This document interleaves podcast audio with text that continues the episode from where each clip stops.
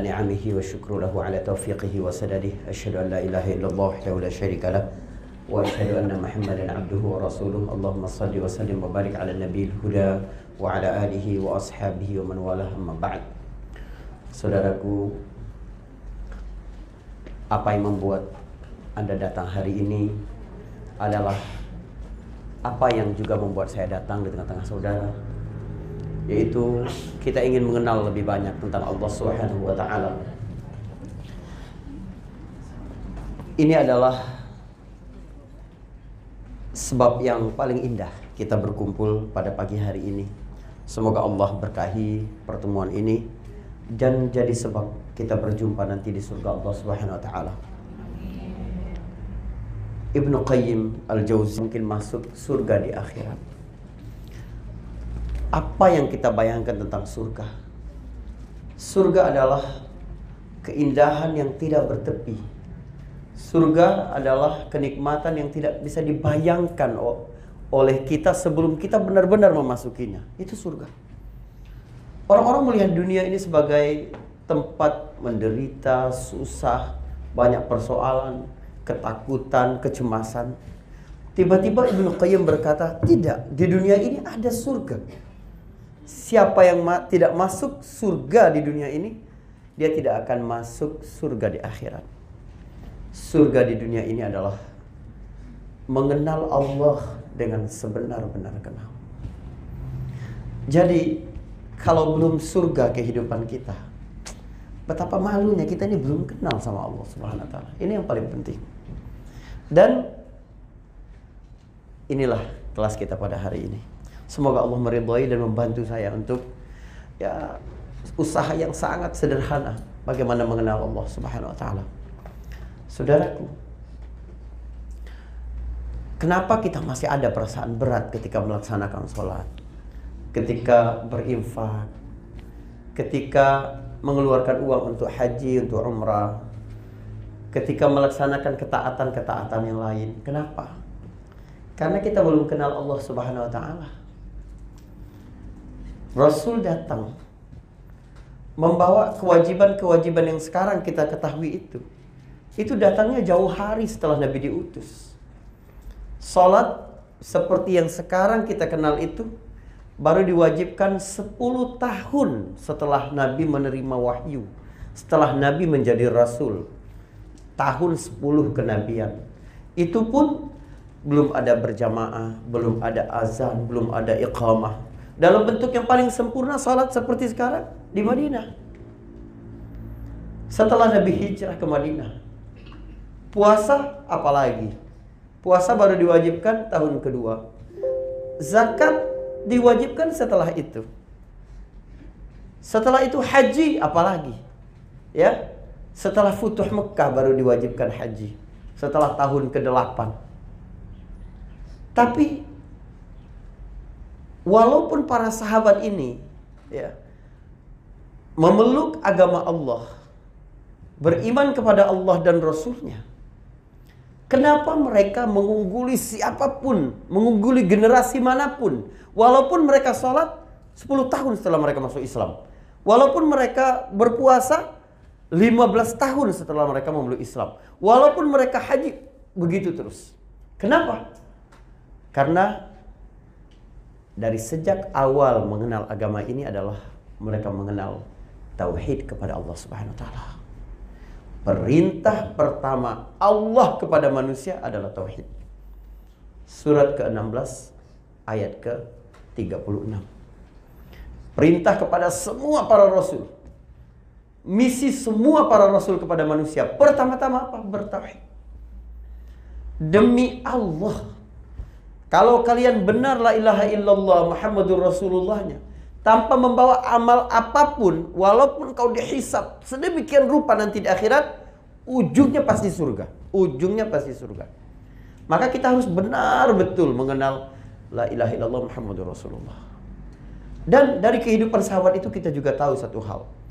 Siapa pun yang mengikuti jalan agama ini, pertama-tama belajar bukan memantapkan tauhid, maka nggak benar itu.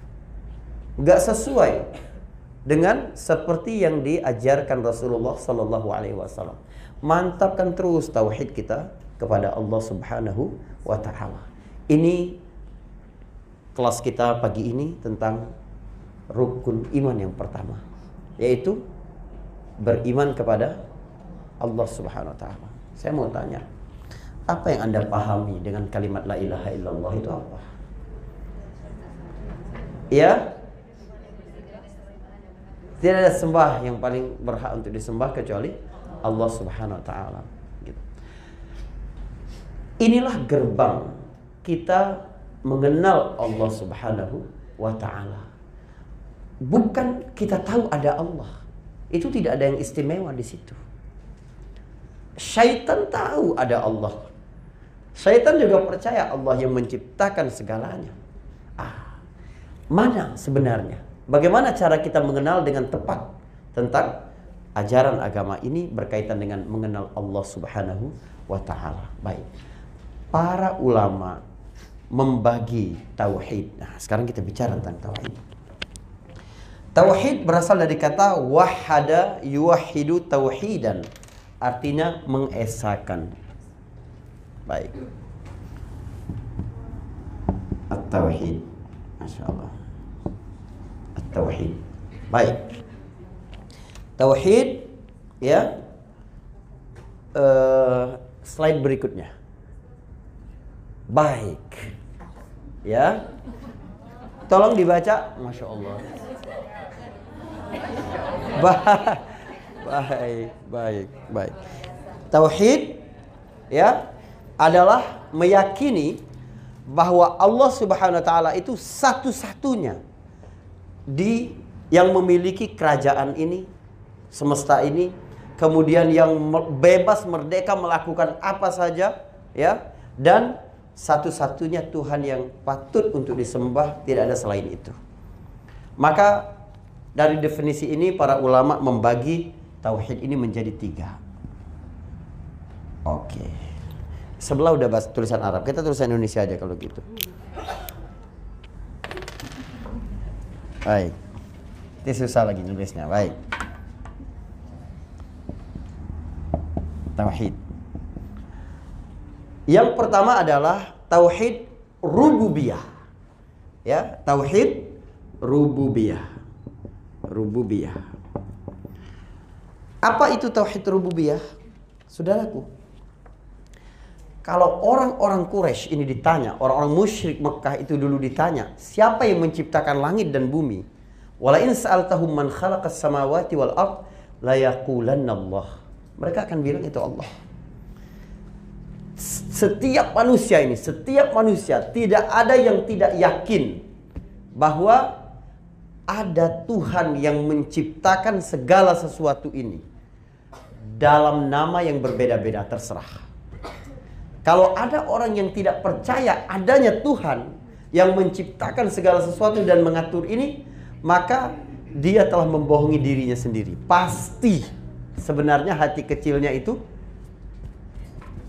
yakin ada Tuhan yang maha menciptakan segala sesuatu ini. Kalau tidak berarti karena kesombongan seperti Fir'aun. Atau karena kepentingan seperti Abu Jahal.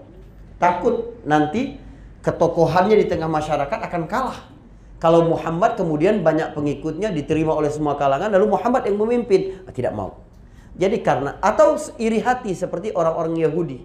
Orang-orang Yahudi tidak beriman kepada Allah Subhanahu wa taala karena apa? Karena iri nabi terakhir bukan dari mereka. Namun hati manusia ini tidak ada satupun hati kecuali dia yakin sebenarnya ada Tuhan yang maha menciptakan dan mengatur seluruh alam raya ini kepercayaan itu adalah tauhid rububiyah. Tauhid rububiyah. Coba kita buka Al-Qur'an surah ke-7 ayat 54 insyaallah.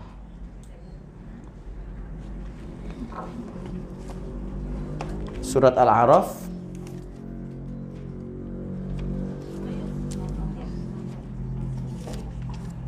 Ya, ayat 54. Baik. Ya. Saya bacakan dulu. A'udzu billahi minasyaitonir rajim. Inna rabbakumullahu alladhi khalaqas samawati wal arda fi sittati ayyam thumma istawa 'alal 'arsyi yughshi al-laila wan nahar yughshi al-laila an-nahar yatlubuhu hasithan والشمس والقمر والنجوم مسخرات بأمره ألا له الخلق والأمر تبارك الله رب العالمين Artinya, silakan dibaca. Sungguh Tuhanmu adalah Allah yang menciptakan langit dan bumi dalam enam masa. Lalu dia bersemayam di atas ash. Dia menutupkan malam kepada siang yang mengikutinya dengan cepat. Dia ciptakan matahari, bulan dan bintang-bintang tunduk kepada perintahnya. Ingatlah, segala penciptaan, segala penciptaan dan urusan menjadi haknya. Maha suci Allah, Tuhan seluruh alam. Baik, perhatikan. Sungguh, coba terjemahan tadi, sungguh Tuhan kalian, ya gak? Tuhan tidak tadi. Ah, Tuhan tadi bahasa Arabnya inna robbakum. Inna robbakum. Ah, dari kata inilah. Rububiyah itu maksudnya mengakui Allah sebagai Rabb. Rabbun. Rububiyah. Rabbun pendidikan dalam bahasa Arab apa? Tarbiyah mendidik bahasa Arab rabbah. Pendidik eh, pendidik me, mendidik rabbah. Pendidik murabbi. Kalau perempuan murabbiyah. Iya kan? Ah, yang mendidik, yang mengatur, yang mengurus itu rabb. Itu artinya rabb. Allah Subhanahu wa taala ya mengatur segala sesuatu ini. Ini kepercayaan kita bahwa Allah memiliki kerajaan dan Allah lah yang memiliki semua uh, apa perilaku-perilaku. Allah lah yang memiliki Allah lah yang mengatur peristiwa-peristiwa. Itu artinya Rabbun. Karena orang Quraisy dulu menganggap bahwa Allah sudah menciptakan segala sesuatu, Allah lepaskan saja terserah. Mereka melakukan apa saja, tidak begitu bahwa semuanya dalam aturan Allah Subhanahu wa taala. Itu arti Rabbun. Itu arti tauhid rububiyah. Atau di dalam surat Yunus surah ke-10 ayat ke-31 ya. Coba di surat Yunus kita kenal Allah sebagai Rabbun dulu sekarang. Surat Yunus ayat ke-31. Bacakan artinya. Perhatikan ya pelan-pelan. Kita resapi maknanya ini. Katakanlah Muhammad, siapakah yang memberi rizki kepadamu dari langit dan bumi? Atau siapakah yang kuasa menciptakan, menciptakan pendengaran dan penglihatan? Dan siapakah yang mengeluarkan yang hidup dari yang mati?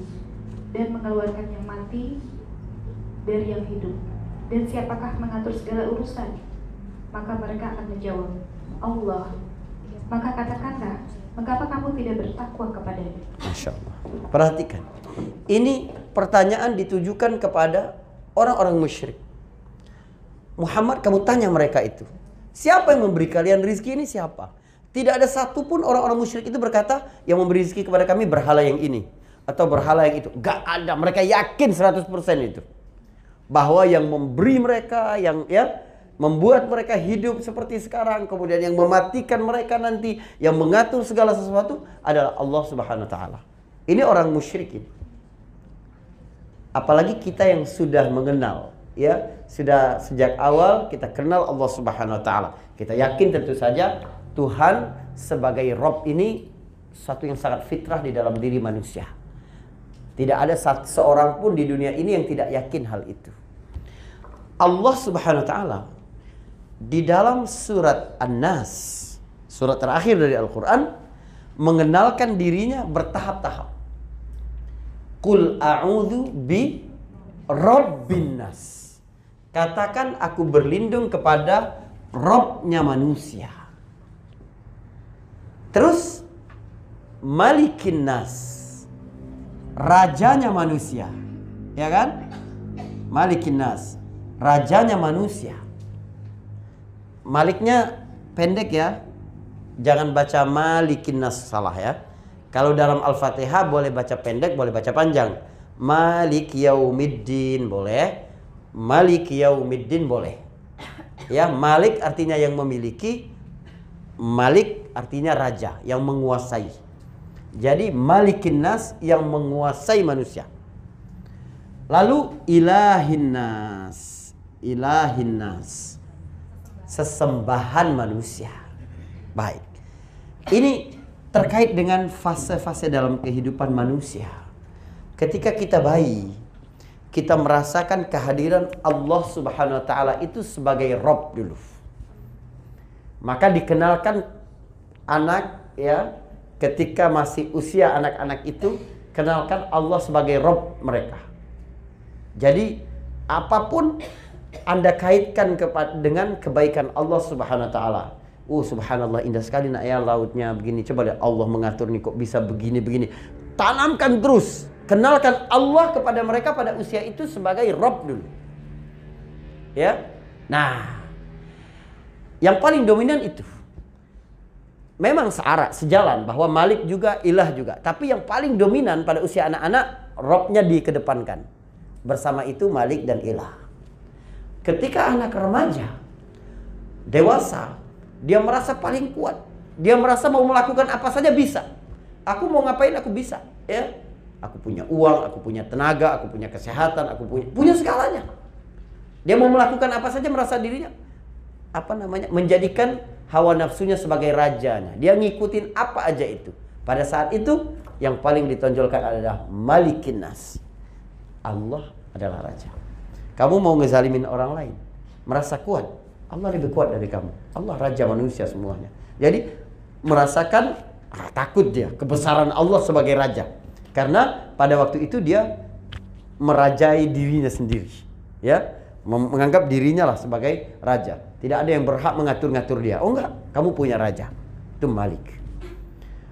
Pada akhir-akhir usia manusia, di usia senja manusia, maka yang paling harus kita tonjolkan kepada orang tua kita, ya, eh, siapalah paman, bibi, nenek, tonjolkan Allah sebagai ilah. Allah sebagai satu-satunya zat ya yang harus kita murnikan ibadah kita hanya kepada Allah Subhanahu wa taala.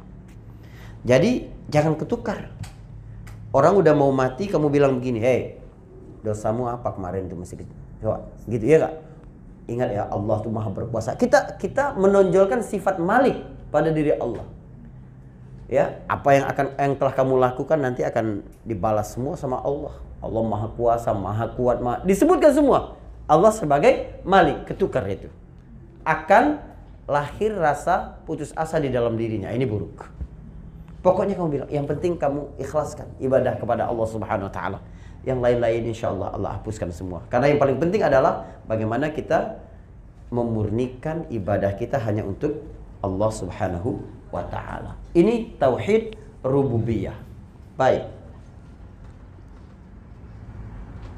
Apa mengesahkan Allah ifradullah taala wa huwa ifradullah taala mengesahkan Allah Subhanahu wa taala bi af'alihi dalam af'alnya perbuatan-perbuatannya kal iqrar seperti Allah memutuskan sesuatu. Itu memang benar-benar hak prerogatif Allah. Allah memutuskan si fulan jodoh si fulan. Si fulan punya anak si fulan tidak. Si fulan akan bercerai si fulan tidak. Si fulan begitu terus. Itu keputusan Allah semua. Bahwa Allah semua tidak tergantung dengan apa pun tidak tidak apa tidak disuap tidak di ya kan?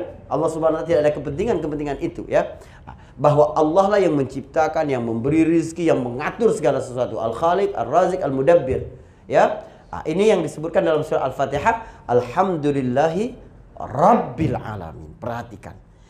Dalam surat al-fatihah itu kita meneguhkan Allah sebagai apa? Rabb segala puji bagi Allah Rob.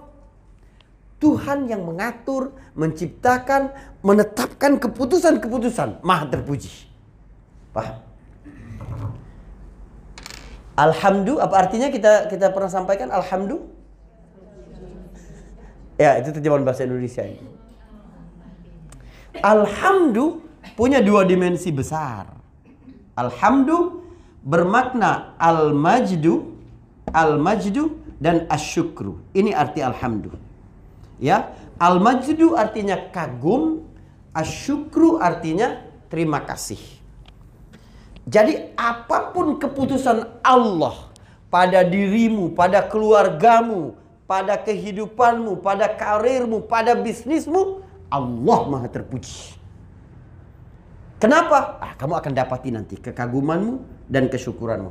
Kamu bisa begitu kenapa? Karena kamu kenal sama Allah. Makanya, walaupun seseorang menemui kegagalan di bidang apa pun, ketika dia kenal Allah Subhanahu wa taala, itu surga bagi dia. Apa arti alhamdulillah? Kenapa Allah tidak menggunakan dalam Al-Fatihah al-majdu? Kenapa? Karena al-majdu cuma bermakna syukur uh, apa? kagum. Kenapa Allah tidak berfirman al-majdu lillahi rabbil alamin atau asyukru lillahi rabbil alamin? Tidak. Dalam semua keputusan-keputusan Allah, perilaku-perilaku ya, perbuatan-perbuatan Allah, ketetapan-ketetapan Allah, pilihan-pilihan Allah selalu terdapat kekaguman, selalu terdapat kesyukuran bagi orang yang kenal. Kenal Allah sebagai Rob tadi. Apa Rob tadi? Menciptakan, menetapkan, melakukan, memutuskan. Itu Rob. Ingat, kagum dan terima kasih ini sesuatu yang berbeda. Kita kadang cuma kagum tidak terima kasih. Kadang terima kasih tapi tidak kagum. Ya, saya sering ini sampaikan. Contohnya, kita pergi jalan-jalan, ada sebuah gedung sangat indah. Lalu masuk lihat bagaimana ornamennya, bagaimana ya uh, apa desainnya, bagaimana apa. Anda lihat subhanallah, ini bagus sekali ini. Siapa sih desainernya ini? Anda kagum tidak? Kagum, tapi terima kasih tidak? Tidak, bukan rumahmu kan? Tidak terima kasih. Tapi ada juga kita terima kasih tapi tidak kagum, ya. Sahabat pulang umroh kasih sejadah, coba bayangkan. Sejadah di rumah kita udah banyak, kualitasnya mungkin lebih bagus lagi. Anda kagum tidak dengan sejadah yang dia bawa? Tidak. Tapi Anda terima kasih bahwa wah di antara sahabat-sahabat yang dia ingat di tanah suci itu, aku masuk di situ alhamdulillah. Senang sekali kita. Terima kasih sekali kepada dia. Kenapa? Asyukur. Subhanallah. Nikmat Allah ini, Allah sebagai Rob, Allah yang mengatur kehidupan ini, gak bakal pergi dari dua hal itu. Selalu ada al-majdu, selalu ada asyukur. Karena itulah Allah berfirman dalam surat An-Nahl ayat 60, insya Allah. Surah ke-16 ayat 60, ya.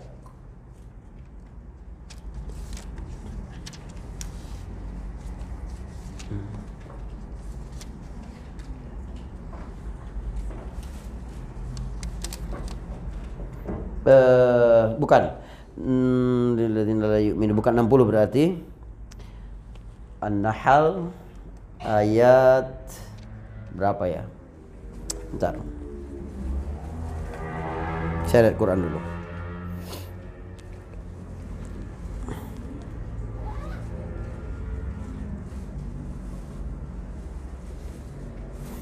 Surat An-Nahl ayat 18, mohon maaf.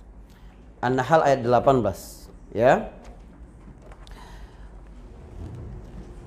Allah berfirman wa in ta'uddu ni'matallahi la tuhsuha innallaha laghafurur rahim. Kalau kamu coba menghitung nikmat Allah wa in ta'uddu wa in dan jika ta'uddu kamu menghitung apa yang dihitung ni'matullah. Wa in ta'uddu ni'matallah la tuhsuha. Kamu gak bakal mampu menghitungnya. Kenapa kita tidak mampu menghitungnya? Kenapa? Kenapa? Saking banyaknya kita tidak mampu menghitung nikmat Allah. Sayang sekali ayat ini bukan bicara kuantitas. Bukan bicara banyaknya nikmat Allah, bukan. Kenapa? Ni'mah bahasa Arab dalam bentuk tunggal. Ini bentuk tunggal ini. Satu. Pluralnya adalah ni'am. Ni'amun. Nah ini bentuk pluralnya. Allah tidak berkata begini. Wa in ta'uddu ni'am Allah. Kalau kamu coba menghitung nikmat-nikmat Allah, kamu tidak mampu. Ah, itu karena saking banyaknya. Tapi ini tidak. Perhatikan arti ayat ini. Kalau kamu coba menghitung satu saja nikmat Allah, kamu nggak bakal mampu menghitungnya. Apa maksudnya? kekagumanmu kepada satu itu tidak akan mampu kamu hitung, terima kasihmu karena ada satu nikmat itu nggak bakal bisa kamu hitung. Kalau kamu coba hitung satu nikmat mata saja, kekagumanmu kepada Allah nggak bakal habis. Gimana uh, refleks apa uh, mata kita ketika berkedip, ya? Bagaimana air mata yang muncul ketika dibutuhkan, Bagaimana kornea mata, berapa piksel ada di dalam situ. Bagaimana dia melekat ke warna-warna yang ada di sini. Bagaimana kemudian syaraf itu bekerja ke otak. Bagaimana kemudian otak mengalir lagi memberi perintah kepada yang lain. Satu nikmat mata saja. Kalau kamu hitung satu nikmat mata saja. Kekagumanmu kepada Allah tidak akan mampu. Kamu hitung. Kalau kamu coba hitung satu nikmat telinga saja. Bagaimana telinga memiliki tiga bagian. Ya, bagian luar, bagian tengah, bagian bagian dalam. Bagaimana Allah mengatur sistemnya jadi double double sistem itu sound itu biar kita tahu arah datangnya suara dari mana. Coba bayangkan kecepatan suara ya 300 km lebih per detik. Ya. Lalu kemudian hanya jarak kurang dari 12 cm dapat menentukan karena ada sistem itu dapat menentukan arah suara datang dari mana. Sehingga kalau orang manggil kita tahu mau noleh ke kiri atau ke kanan. Itu kenapa? Karena itu tadi. Bagaimana daun telinga ya bekerja memantulkan getar suara itu untuk sampai di gendang telinga. Lalu menerjemahkannya menjadi impuls listrik yang kemudian dialirkan ke telinga bagian dalam. Yang di situ ada sistem vestibularis yang terus begitu sampai ke syaraf kita. Bagaimana kemudian bekerja lagi menerjemahkannya menjadi menjadi suara lagi. Kekagumanmu kepada Allah tidak akan habis. Itu baru kekaguman. Rasa terima kasihmu juga tidak akan pernah habis. Kamu hitung satu saja nikmat mata. Kamu bisa sekolah das, sekolah SD dulu, kamu bisa belajar membaca, kamu bisa melihat kedua orang tuamu, kamu bisa berjalan ke mana-mana, kamu bisa diterima bekerja di sini, kamu bisa, kamu paham. Karena apa itu? Karena satu nikmat saja. Kalau kamu coba menghitung satu saja nikmat Allah, maka kamu tidak akan mampu menghitung kekagumanmu, kamu tidak akan mampu menghitung kesyukuran. Allah yang menciptakan itu, Allah yang mengatur itu, Allah yang telah menetapkan kadar-kadar itu adalah Allah yang juga menetapkan keputusan-keputusan dalam hidupmu. Seberapa kenal kamu Allah sebagai Rabb selama ini? Seberapa kenal? Ada pikiran di dalam hati mungkin Allah nggak sayang sama aku ya Allah. Demi Allah, Allah mencintai kita, menciptakan kita ini untuk menyayangi kita. Allah menciptakan kita ini untuk menyayangi kita. Maka jangan pergi dari cinta itu. Jangan pergi dengan kedurhakaan. Jangan pergi karena prasangka buruk kepada dia. Jangan pergi karena beberapa hal. Ya Allah, berapapun kita lari dari Allah dengan dosa, dengan kemaksiatan, Allah akan terus menerima kita, memanggil kita, meminta kita untuk datang. Kenapa? Kenapa begitu itu kenapa? Karena Allah sayang sama kita. Kenapa Allah mengutus para nabi itu kenapa? Coba bayangkan aja. Kenapa Allah mengutuskan para nabi? Karena sayang sama kita. Allah nggak ada kepentingan apa-apa dengan mengutus nabi itu. Kenapa? Oh nanti dia nggak disembah. Emang kalau tidak ada satupun yang menyembah Allah akan berkurang kerajaan Allah? Tidak sama sekali. Apa pun di alam ini Allah ciptakan untuk kepentingan manusia. Wasakhara lakum ma fis samawati wa fil ardh dan Allah menundukkan segala sesuatu untuk manusia. Di langit dan di bumi untuk manusia semuanya. Apa pun itu. Kita subhanallah ya.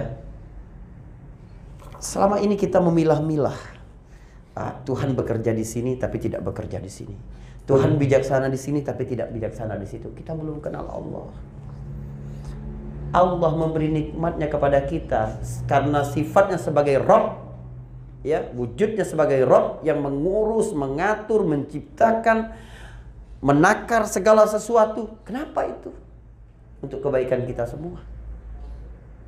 Sayang kalau orang tidak masuk ke surga kenal Allah di dunia nanti dia tidak akan masuk surga di akhirat nanti. Rabbul Alamin Tuhan yang mengatur segala sesuatu ini Allah. Allah ciptakan segala sesuatu ini untuk kita semua. Allah utus para rasul, ya. Atau nikmat yang paling paling paling tidak kita rasakan sajalah apa? Kita ini bisa hidup di sini kenapa? Karena ada apa? Ada udara, oksigen. Coba. Berapa liter oksigen kita setiap menit itu kita kita hirup?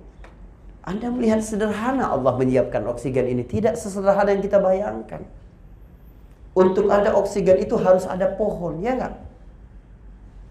Dia mengubah lagi racun yang kita keluarkan tadi, ya. CO2 yang kita keluarkan ya enggak? CO2 kan yang dikeluarkan itu. Berubah lagi menjadi O2 itu. Kenapa? Ada pohon-pohon itu. Maka untuk menyiapkan oksigen ini tetap tercukupi bagi dirimu yang engkau hirup setiap saat engkau tidak rasakan kehadiran Allah di situ. Allah harus tanam pohon-pohon. Apakah pohon-pohon bisa berdiri sendiri? Tidak.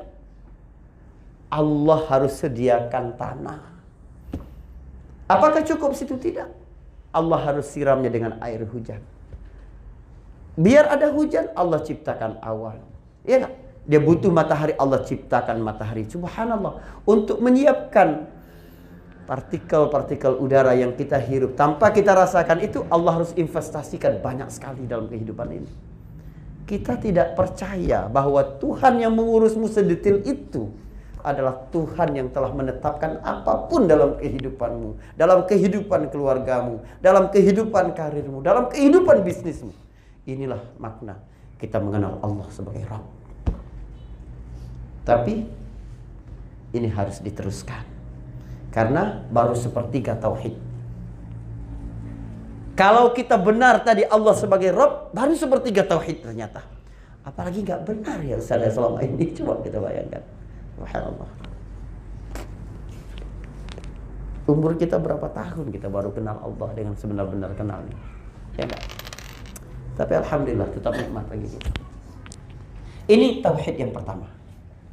Apa kuncinya tadi? Allah yang menciptakan, Allah yang mengatur, Allah yang memutuskan, Allah yang menakarkan ya. Segala detil kehidupan ini ini Allah. Rububiyah. Lalu Tuhan yang telah menciptakan segala sesuatu, yang telah mengatur segala sesuatu, yang telah menetapkan segala sesuatu dengan baik, bijaksana dan teratur adalah Tuhan satu-satunya yang berhak engkau sembah, engkau tunduk. Ah, itulah ilah. Tuhan sebagai ilah. Maka tauhid yang kedua ini namanya tauhid uluhiyah. Mengakui Allah sebagai ilah. Mengakui Allah sebagai ilah. Kita mau tunduk ke mana sih? Ya, kita mau meletakkan harapan, ketakutan, kesyukuran, ya. Kenapa bisa bersabar? Itu kenapa? Karena Allah telah mengurus segala sesuatunya. Maka apakah tidak layak Allah yang telah memberikan seluruh kebaikan itu adalah Allah yang akan kita jadikan sebagai satu-satunya ketundukan kita kepada Allah Subhanahu wa taala. Untuk apa manusia ini diciptakan? Untuk apa? Untuk tauhid uluhiyah ini. Perhatikan.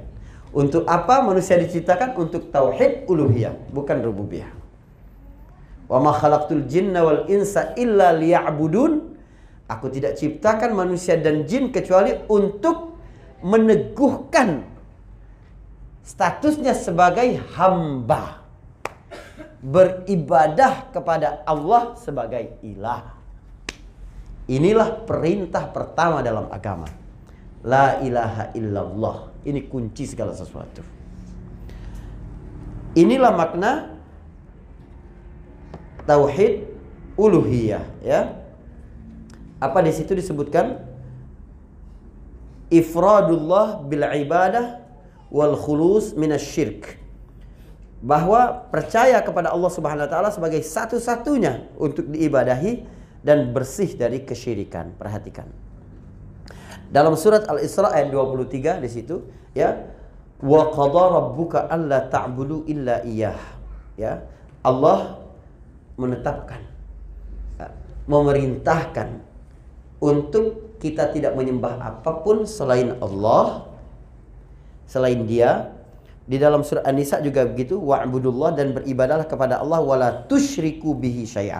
Berarti ibadah, perhatikan, ibadah baru benar, ibadah baru benar kalau dia bersih dari syirik.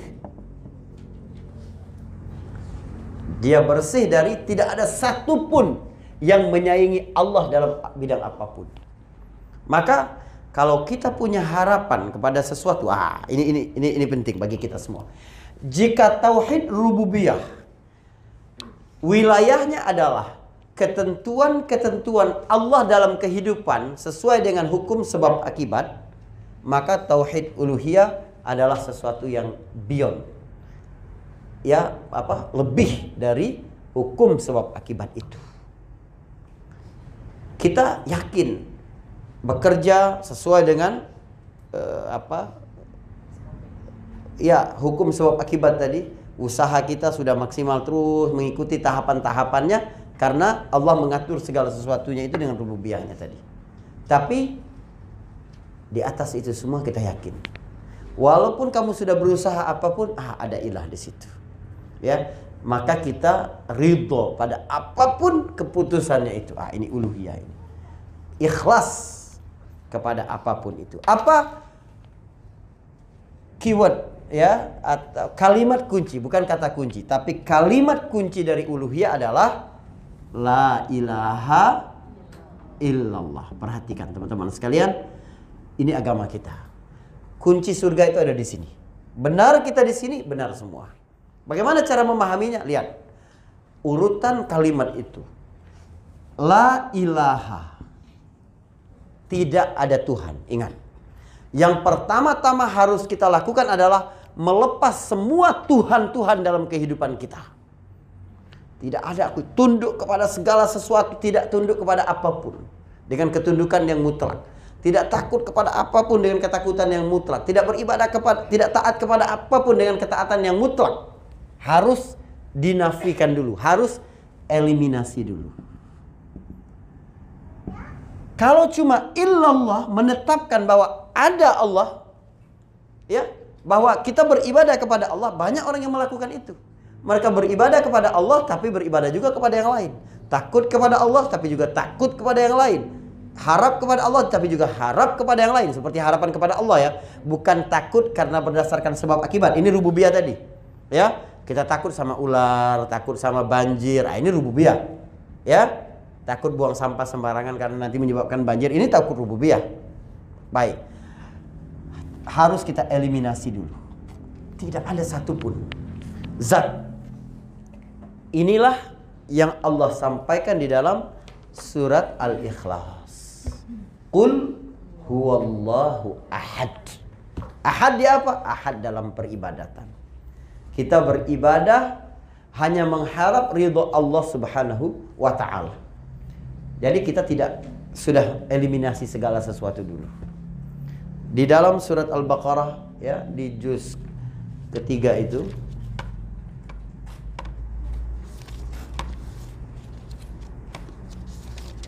awal juz ketiga.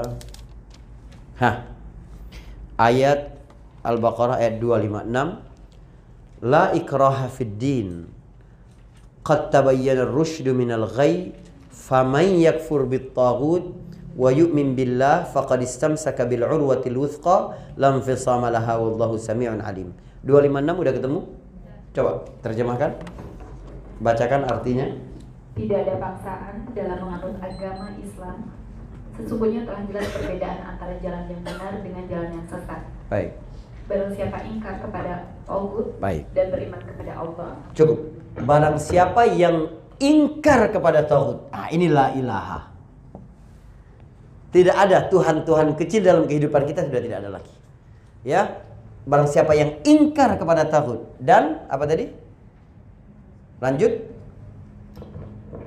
dan beriman kepada Allah. Beriman kepada Allah. Inilah ilaha illallah. Maka maka sungguh dia telah berpegang teguh pada tali yang sangat kuat yang tidak akan putus. Baik.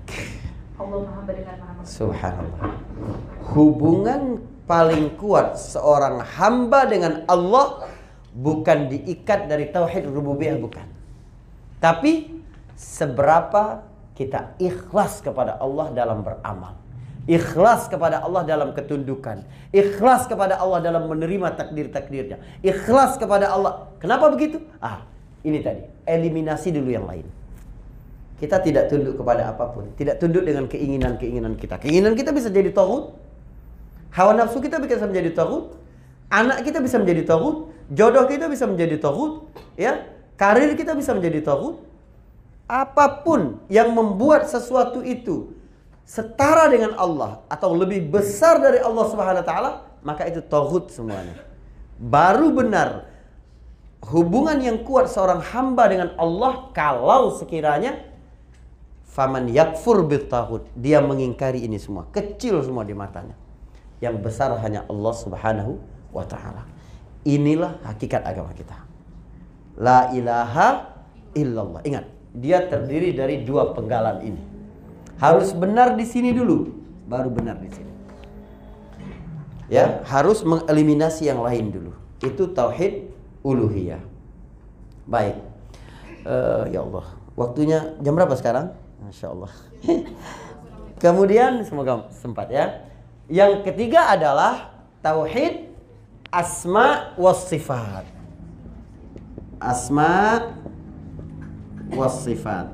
Ya. Al-asma was sifat. Baik. Al-asma was sifat. Bahwa Allah yang kamu sembah itu memiliki nama-nama yang baik dan sifat-sifat yang baik. Ya. Apa itu tauhid asma sifat? Percaya pada apa-apa yang telah Allah sampaikan bahwa dia memiliki nama-nama dan memiliki sifat-sifat ya tanpa kita menyamakannya dengan makhluknya. Apa guna kita ada tauhid asma wa sifat ini di antara hikmahnya adalah kita merasakan feel rasa keimanan kepada Allah itu sedap gitu loh. Percaya kepada Allah itu banyak manusia melakukan. Tapi yang merasakan manisnya percaya, nah itu tidak banyak. Siapa yang dapat merasakan manisnya iman kepada Allah? Manisnya tunduk kepada Allah Subhanahu wa taala? Orang yang kenal nama-nama dan sifat Allah ini dengan baik. Karena itu seni yang paling baik untuk berdoa adalah dengan menyebutkan nama-nama Allah. Ya. Apa saja ketentuan pertamanya itu di dalam Syura Asy-Syura ayat ke-11 Laisa kamitslihi syai'un wa huwas samiul basir. Allah tidak mirip dengan apa pun dan Dia Maha mendengar lagi Maha melihat. Jadi ketika disebut Allah mendengar jangan bayangkan seperti makhluk mendengar. Artinya kalau ada suara pesawat jadi nggak dengar. Iya kan? Jangan membayangkan Allah melihat seperti makhluk melihat. Bisa dihalangi oleh sesuatu, tidak. Allah tidak mirip dengan apa pun. Ada di hadis kursi Allah tersenyum, Allah tertawa, tapi tidak sama dengan makhluk. Gak boleh kita bayangkan Allah seperti makhluknya dalam apa pun, dalam bidang apa pun. Itu yang pertama. Ya. Kemudian Allah tidak ada yang menyainginya. Surat Al-Ikhlas. Qul huwallahu ahad, Allahus samad, lam yalid wa lam yulad wa lam yakun lahu kufuwan ahad. Enggak ada yang menyaingi Allah sedikit pun. Dalam sifat dan dalam nama-nama yang baik. Allah Subhanahu wa taala memiliki banyak nama-nama. Kita kenal dengan 99 nama. Ya, Asma al-Husna. Asmaul Husna. Jadi Islam ini kan diturunkan di Arab. Orang Arab itu kalau mengagumi sesuatu dan mengagungkannya, membesarkannya, dia beri nama yang banyak. Buah-buahan yang paling banyak namanya itu korma. Karena banyak sekali manfaatnya. Maka diberi nama banyak. Putiknya ada namanya ya. Udah mentah sedikit ini kita sebut balah. Ya, kemudian mulai mengkal namanya rutob. Kemudian dia matang itu tamur. Agak kering lagi disebut macam-macam. Belum lagi simbol-simbol yang lain. Hewan yang paling banyak namanya itu singa. Ratusan nama singa itu. Sekitar tiga ratusan nama lain dari singa itu mereka berikan. Kenapa? Karena simbol kebesaran dan keagungan singa. Nah, maka Allah mengenalkan dirinya, aku juga punya nama yang banyak. Ya, Allah memiliki nama yang banyak. Lambang huruf angka paling besar kan 9 ya. Jadi Allah memiliki 99 nama. Baik. Allah perintahkan kita berdoa dengan nama Allah. Walillahil asma'ul husna fad'uuhu biha.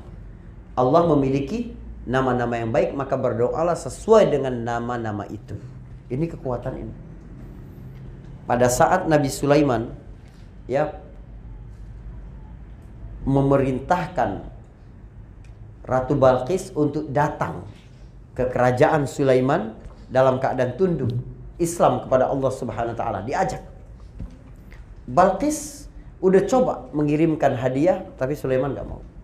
Akhirnya Balkis lihat bahwa ini kerajaan memang besar dan Sulaiman tidak bekerja atas nama dirinya tapi nama Allah. Sejak awal Sulaiman telah mengirim surat innahu min Sulaiman wa innahu bismillahirrahmanirrahim. An-Naml ayat 30.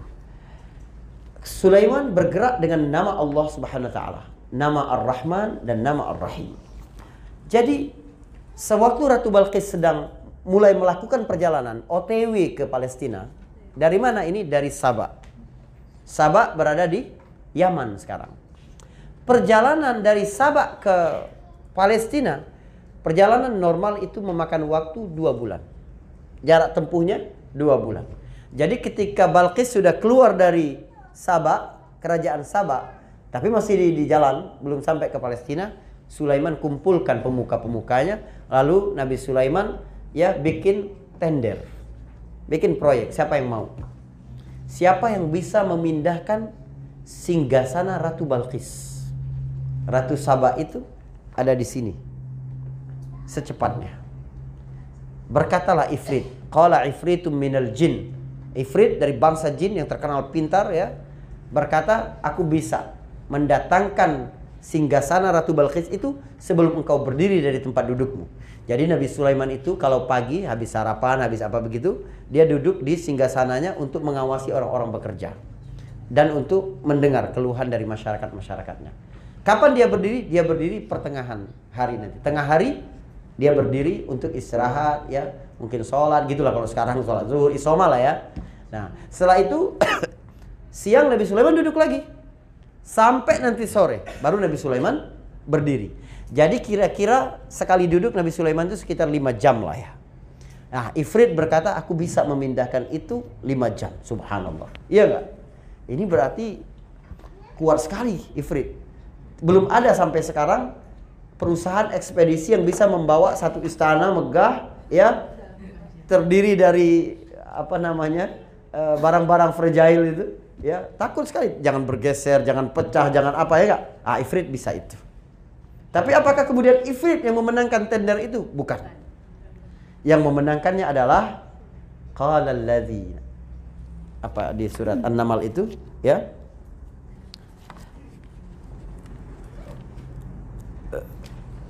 ayat 30-an.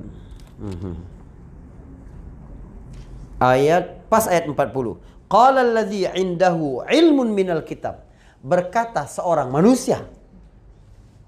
Tadi jin memang kuat dan terkenal cerdas. Berkata seseorang yang memiliki ilmu dari Alkitab dalam buku-buku tafsir dijelaskan memiliki ilmu dari kitab itu adalah memiliki pengetahuan tentang nama-nama Allah di mana dia berdoa dengan nama itu Allah akan kabulkan. Orang itu berkata kepada Sulaiman, Sulaiman, aku bisa datangkan itu sebelum engkau mengedipkan matamu. Kalau engkau mengedipkan matamu, ya engkau buka kembali sudah ada istana itu. Kenapa itu kekuatan al-asmaul husna? Kenal dengan nama-nama dan sifat Allah Subhanahu wa taala. Maka kita berdoa disuruh menggunakan nama-nama Allah yang berkaitan. Ya. Jadi minta rezeki sama Allah bilang ya Razak. Ya, minta dikasihani sama Allah, minta ya Rahman, ya Rahim. Minta ampun dosa kita ya Ghafur, ya Afu, ya Tawwab, begitu. Ya.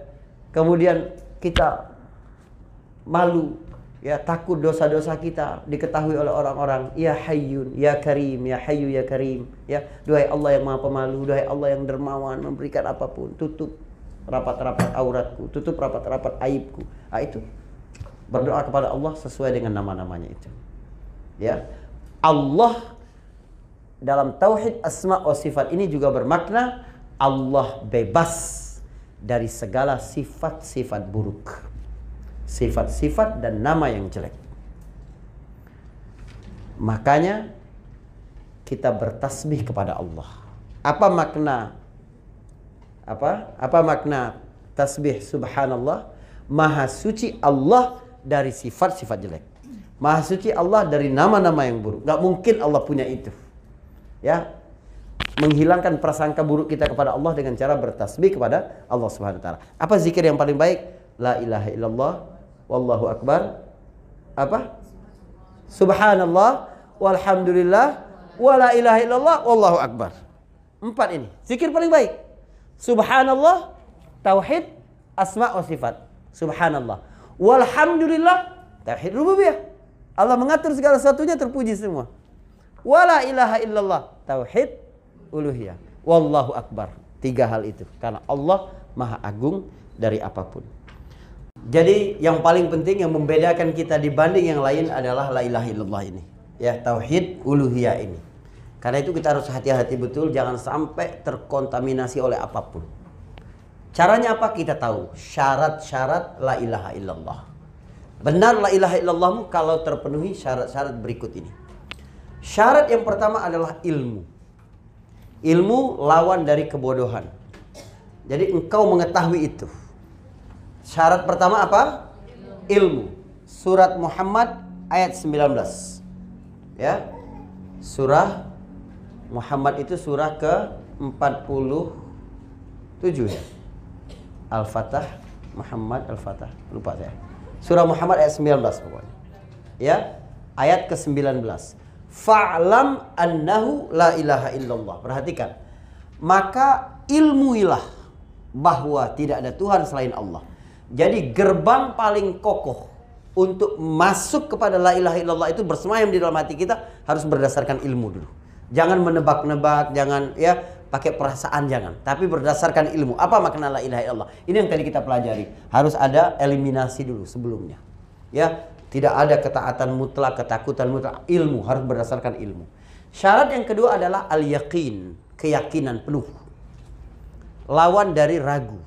Kalau ada keraguan di dalam hatimu, ah sebenarnya nggak apa-apa juga lah. Kita kan eh, yang penting utamanya beribadah kepada Allah. Kalau ke sini ini kita cuma ikut aja kita, ah nggak boleh gitu, nggak sah.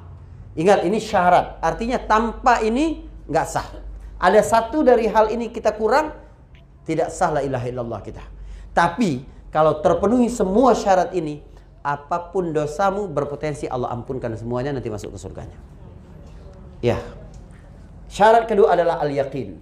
Ya, dalam surat Al-Hujurat surah 49 ayat 15 ya surat Al-Hujurat ayat 15 innamal mu'minun sesungguhnya orang beriman itu adalah alladzina amanu billahi wa rasulihi orang yang beriman kepada Allah dan rasulnya thumma lam yartabu tidak ada keraguan di dalam hati dia ya benar-benar yakin insyaallah ini selamatlah Ustaz baik kita ikut ke syarat ketiga ini Syarat ketiga adalah al-ikhlas.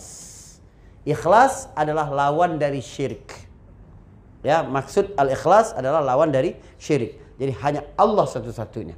Allah berfirman, "Ala lillah ad-dinul khalis." Bagi Allah lah agama yang uh, bening. Khalis itu artinya jernih, ya tidak tercampur dengan apa pun, yang ikhlas hanya karena Allah Subhanahu wa taala. Atau dalam surat Al-Bayyinah ayat kelima, "Wa ma umiru illa liya'budullah mukhlisina lahuddin hunafa.